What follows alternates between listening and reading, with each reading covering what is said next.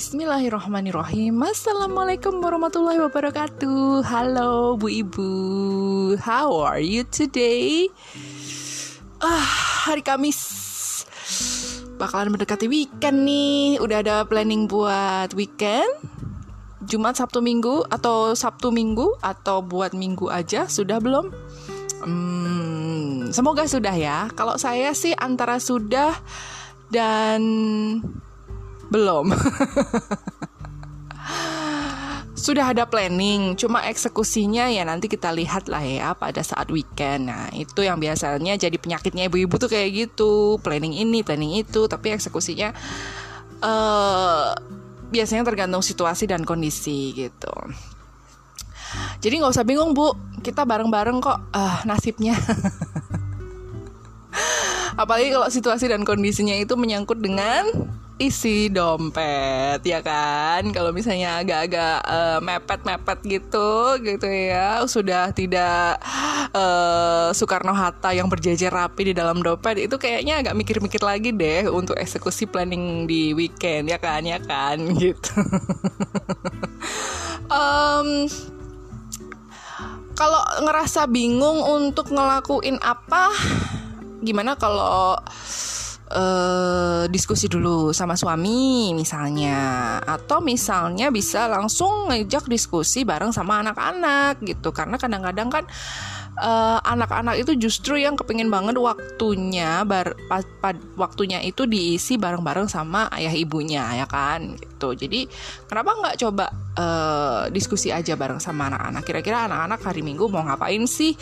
Uh, weekend mau ke mana sih? Gitu ya kan? Dan tetap ingatkan mereka kalau misalnya mereka kepengennya keluar-keluar yang agak jauh tetap harus prokes gitu ya. Kita nyari tempat yang sebaiknya tidak uh, berpotensi memunculkan kerumunan orang yang banyak gitu ya. Karena ya tahu sendirilah um, yang namanya omikron ini sebenarnya agak-agak agak-agak menyeramkan ya. Karena gejalanya itu sebenarnya tidak seperti COVID-19 yang sebelumnya, varian Delta sebelumnya, tapi lebih ke kayak orang masuk angin biasa gitu. Banyak yang bilang tuh seperti itu gitu ah ngomongin itu saya jadi bingung lagi nih mau ngapain ya gitu mau ke mana gitu kira-kira yang nggak yang crowdnya nggak banyak ke mana ya gitu. Ya di rumah aja. Ah tambah bingung lagi di rumah aja mau ngapain lagi gitu. Udahlah dari tadi ngomong bingung bingung bingung bingung. Saya jadi pengen curhat nih soal kebingungan saya gitu. Kebingungan saya bukan masalah mau ke mana pada saat weekend nanti tapi lebih ke apa ya salah satu hal yang selalu menjadi polemik dalam hidup ini setelah saya berkeluarga. Bahasanya berat banget polemik. Tapi emang ini bener loh jadi kebingungan bu ibu gitu ya. Yaitu masalah menu harian makan. Ya menu makan harian itu menu makan harian keluarga. Mungkin kita sudah pernah uh, membuat planning misalnya menu satu minggu, menu satu bulan, tapi ternyata kadang eksekusinya tidak sesuai gitu ya. Apalagi kalau misalnya di dalam keluarga kita itu uh, anggotanya itu terdiri dari berbagai macam usia gitu ya dari mulai ada baby kemudian ada balita ada yang usia sekolah gitu. Terus kita kita nih uh, bapak dan ibu dan mungkin juga ada lansia yang masih bareng-bareng sama uh, orang tua atau uh, mertua misalnya kayak gitu. Nah otomatis menu-menu untuk satu keluarga ini untuk satu rumah itu kan harus di sesuaikan kan ya dengan usia mereka gitu kan nggak mungkin dong kita kasih baby yang misalnya lagi empasi gitu kan uh, menu yang pedes-pedes gitu kan. Nggak mungkin meskipun kita sebenarnya nggak bakalan bisa makan kalau nggak ada taste pedesnya nggak ada sambelnya tuh kayaknya aduh ada yang kurang gitu kan. Nggak mungkin ya. Berarti kan otomatis kita harus masak uh, khusus untuk uh, si baby empasi ini tadi gitu kan gitu. Belum lagi kalau misalnya seleranya beda banget. Dari seluruh anggota keluarga yang ada di rumah ternyata mereka mempunyai selera yang berbeda-beda. Misalnya ada yang benar-benar nggak bisa makan pedes, ada yang maunya uh, sayurnya dibanyakin misalnya kayak gitu. Ada yang justru nggak suka makan sayur gitu. Ada juga yang pengennya tuh yang manis-manis gitu. Dia nggak nggak terlalu suka makan makanan besar tapi lebih ke kayak cemilan aja atau dessert aja kayak gitu. Kan kan itu harus disesuaikan dengan mereka. Dan otomatis itu juga mempengaruhi satu uh, penciptaan menu sehari-hari. Yang kedua adalah budget ya. Budget untuk belanja gitu. Karena untuk memenuhi selera semua orang itu ya nggak? Gitu. Nah ini aku yakin gak cuma aku aja tapi banyak sekali bu-ibu yang juga mempunyai kebingungan seperti ini gitu. Aku cerita aja ya aku sendiri gitu. Uh, di rumah aku ini yang paling sering paling seneng pedes masakan pedes itu adalah aku gitu. Anakku yang pertama yang cewek itu sudah mulai bisa mengikuti mengikuti dan menerima uh, rasa pedas di masakan. Anakku yang kedua juga gitu. Mereka umurnya 11 dan 9 tahun. Kalau yang 9 tahun ini mungkin pedasnya bukan yang terlalu nampol ya, masih bisa diterima sama dia. Kalau udah nampol banget tuh dia udah nggak bisa kayak gitu. Sementara anakku yang ketiga itu masih anti gitu. Umur 5 tahun tuh nggak mau kayak gitu. Pedes-pedes gitu. Bahkan uh, mie goreng instan mie goreng instan itu bagian pedesnya itu biasanya nggak diikutkan karena dia nggak mau ada rasa pedasnya. Nah, apalagi yang anak ketiga, anak terakhir nih baru tiga setengah tahun dia bener-bener nggak bisa dong makan pedes gitu. Dia nggak mau gitu. Ah pedes pedes gitu. Biasanya kalau udah tahu pedes dia dia udah nggak mau makan lagi kayak gitu. Gimana dengan suami? Suami masih bisa dengan level tertentu tapi dengan ya slightly slightly spicy gitu dia langsung keringetan.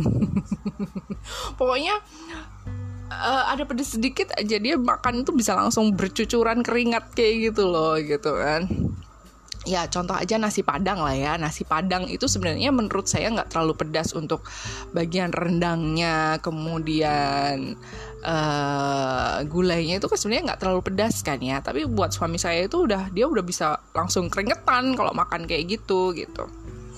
Nah jadi saya itu mau nggak mau harus uh, setiap hari merancang menu gitu masak apa ya yang bisa diterima seluruh anggota keluarga. Paling amannya adalah uh, saya tidak memberikan rasa pedas dalam masakan saya, tapi lebih ke saya ngalah deh, saya bikin sambal sendiri gitu. Atau cabai rawitnya saya utuhin deh di masakan itu, kan nggak terlalu pedas banget gitu kan, nggak ada nggak ada rasa pedasnya gitu. Atau kalau saya lagi males ngulek atau males ngeblender buat bikin sambal, ya udahlah aku sedia bon cabe aja kayak gitu. Jadi biar aku juga bisa tetap ngerasain masakan pedes kayak gitu. Nah itu itu yang pertama. Kebingungan aku yang kedua adalah uh, yang anakku nomor tiga itu dia I don't know aku nggak nggak bilang dia vegetarian ya tapi dia itu untuk uh, untuk protein protein kayak uh, unggas dan perdagingan itu dia nggak terlalu suka. Dia paling favorit itu telur gitu kan. Telur ayam telur asin kayak gitu. Jadi dia agak susah kalau dikasih menu ayam gitu kan. Kalaupun misalnya uh, mau masak ayam itu dia harus dalam bentuk uh, fried chicken gitu. Dia baru bisa mau makan gitu. Fried chickennya pun ya yang bertepung itu ya fried chicken seperti itu. Atau semua yang dibalurin tepung digoreng itu dia sebenarnya agak suka gitu kayak nugget gitu. Terus dia paling suka itu sosis ya sausage gitu. Um, nah tempe tahu masih oke. Okay. cuma ya itu aku herannya itu kenapa dia nggak suka sih makan ayam goreng biasa sedangkan dua kakaknya itu paling lahap banget kalau digorengin ayam gitu. Begitupun juga dengan ikan perikanan gitu kan uh, I don't know why gitu. Padahal sempat aku cobain ini ikan mau nggak? gitu.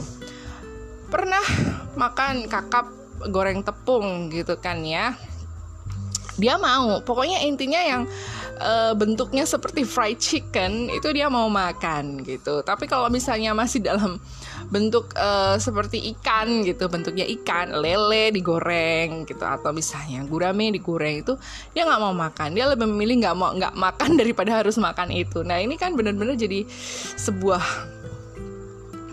sebuah challenge gitu kan. Bahwa uh, aku harus menyediakan menu yang bagaimana lagi supaya dia mau makan. Masa tiap hari dia harus mas makan mas uh, makan telur doang gitu? Entah diceplok entah di dadar entah direbus kayak gitu. Kan nggak mungkin kan? Jadi kadang aku aku uh, ganti gitu. Nggak pakai telur ayam tapi pakai telur puyuh misalnya. Telur puyuhnya pun dimasak dengan cara yang tidak pedas biasanya kayak gitu. Jadi um, ini kebingungannya. Jadi mungkin buat orang lain alah gitu aja jadi dibesar besarin bukan masalah dibesar besarin tapi memang uh, pertama membuat anak mau makan itu sebenarnya susah-susah gampang. Karena uh, dia punya punya taste bud sendiri gitu kan ya. Paletnya paletnya sendiri kan beda gitu dengan kita gitu.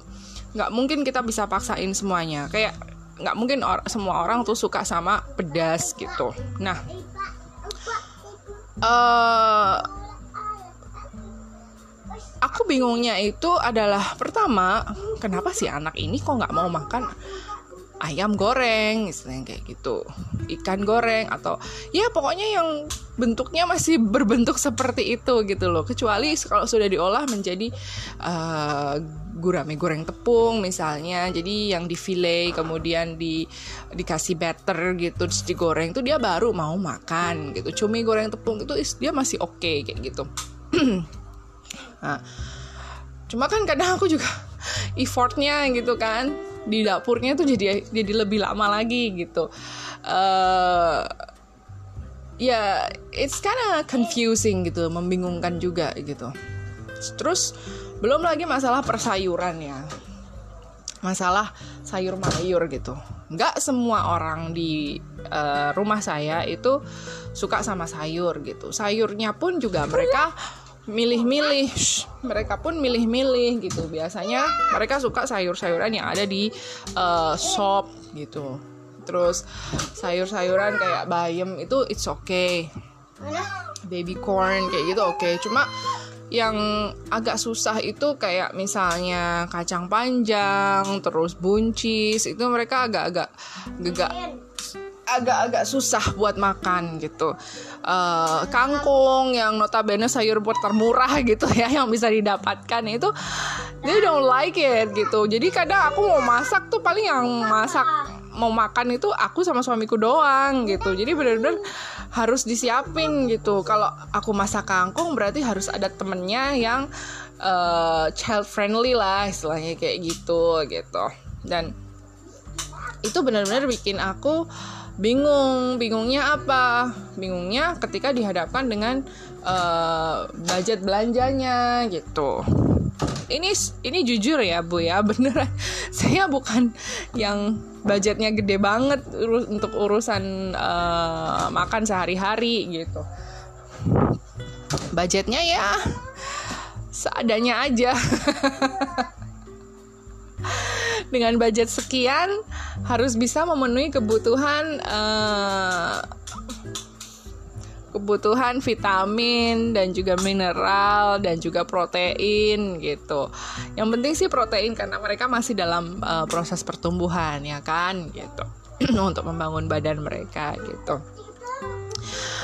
Jadi kadang aku tuh uh, serba besok masak apa lagi ya gitu. Ketika kemudian aku tanya gitu misalnya uh, ingin mendengar gitu pendapat dari anggota keluargaku, anak-anakku dari suamiku. Besok mau dimasakin apa gitu. Gitu kan jawabannya terserah.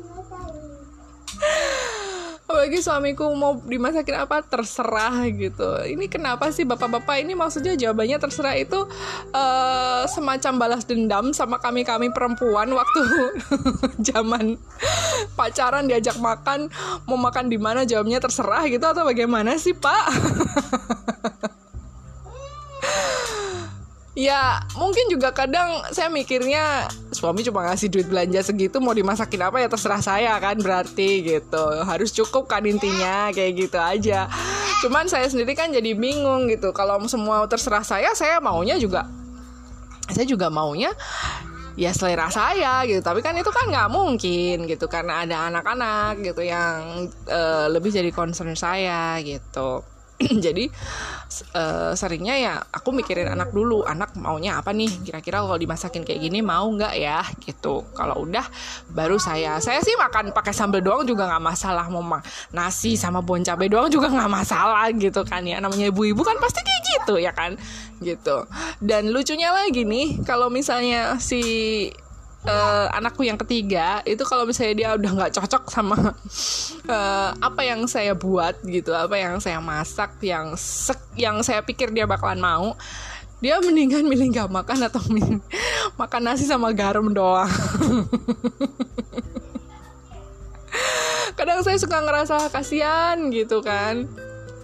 Uh, tapi ya gimana lagi saya udah berusaha maksimal gitu uh, untuk bisa memenuhi uh, kebutuhan gizinya dia. Tapi ternyata dia sendiri yang nolak gitu. Jadi ya gimana ya gitu. Sungguh ini sebuah sebuah polemik setiap hari gitu. Hari ini mau masak apa ya? Hari ini mau beli apa ya? Kayak gitu. Kalau ayam beli ayam mau dimasak apa lagi ya? Kayak gitu. Nah, itu yang kadang saya bingung gitu kalau udah mentok kadang saya nggak masak gitu kan. Tapi lebih uh, tapi bukan berarti terus saya beli beli mateng atau jajan gitu. Enggak sih biasanya lebih ke ya udahlah nak kamu kalau uh, kalian ceplok telur aja ya masak telur aja sendiri sendiri gitu. Atau misalnya bikin mie aja deh sendiri sendiri ya gitu. Karena pertama ya udah udah mentok gitu. Udah nggak bisa mikir lagi mau masak apa gitu ya terus kalaupun misalnya harus go food atau uh, pesen yang lain itu kadang hmm karena beli beli makanan segini nanti bakalan habisnya segini mikir lagi gitu. Because I'm not too royal for that gitu kan. Jadi uh, benar-benar harus mikir gitu. Uangnya cukupnya cuma segini. Padahal yang harus dikasih makan tuh ada berapa orang kayak gitu istilahnya ya. Aduh bu bingung bu kalau urusan makan gitu. Bukan bingung gimana gimana tapi memang merancang menu itu ya harus disesuaikan dengan selera mereka masing-masing gitu kadang mungkin ada yang bilang alah ribet amat kenapa nggak dipukul rata aja? Ya kadang saya pukul rata kadang saya ya udahlah yang paling gampang aja sop gitu. Cuma kalau sop itu kan sop itu paling gampang dan uh, bisa diubah-ubahkan isinya gitu. Hari ini sop jagung besok sop ayam besoknya lagi sop makaroni besoknya lagi sop sosis gitu. Tiap harinya sop terus nggak lah. Hmm, nggak gitu juga kali. Tapi paling nggak dalam seminggu itu bisa dua kali ngesop saking bingungnya mau masak apa gitu. Kadang uh, tahu tempe tahu tempe tahu tempe kayak gitu terus ya nggak masalah. Toh itu juga protein he, nabati ya kan bagus untuk tubuh gitu cuma kadang kan mikir anak nggak pernah dikasih ini nggak pernah dikasih ini gitu. Bukan masalah nggak pernah masalahnya anaknya nggak doya. Jadi bingung sayanya gitu. Aduh ngomongin makanan tuh nggak habis habis ya kan? Nah, itu baru untuk uh, menu makannya. Belum cemilannya belum dessertnya gitu ya kan? Maksudnya makanan sampingannya kayak uh, ada buah-buahan ternyata ada anggota keluarga saya yang nggak suka buah-buah tertentu. Misalnya uh, buah naga tuh nggak semuanya suka. Durian nggak semuanya suka kayak gitu.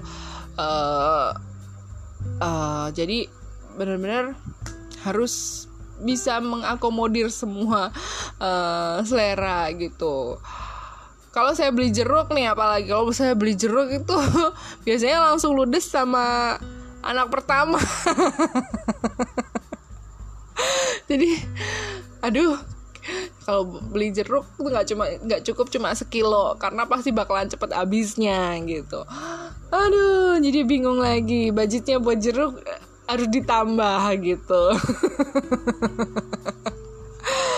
Aduh ngomongin masalah uh, masak masak di dapur gitu ya belanja budget belanja itu emang bikin bingung ya bu ya gitu ini di luar di luar uh, bahan-bahan yang utama ya kayak beras tepung itu di luar itu ya gitu. Maksudnya kita belanja tiap hari sayur mayur dan protein itu kan itu juga butuh budget tertentu gitu kan. Ah, sumpah saya pusing. Kadang bingung gitu kan. Ah, adanya itu itu aja gitu kan sayurnya gitu. Aduh Kalau bu ibu bingungnya di sebelah mana bu? Bikin empasi, ah itu juga apalagi nih ya empasi nggak boleh ini nggak boleh itu gitu. Ah, tapi untungnya sekarang udah boleh macem-macem kalau empasi ya. Tapi nggak mungkin juga dong kalau bikin empasi dikasih pete sama jengkol ya kan? ya udahlah bu, saya mau makan dulu ya. Udah waktunya makan malam nih. I'll see you again tomorrow. Jangan bingung-bingung ya bu. Dadah.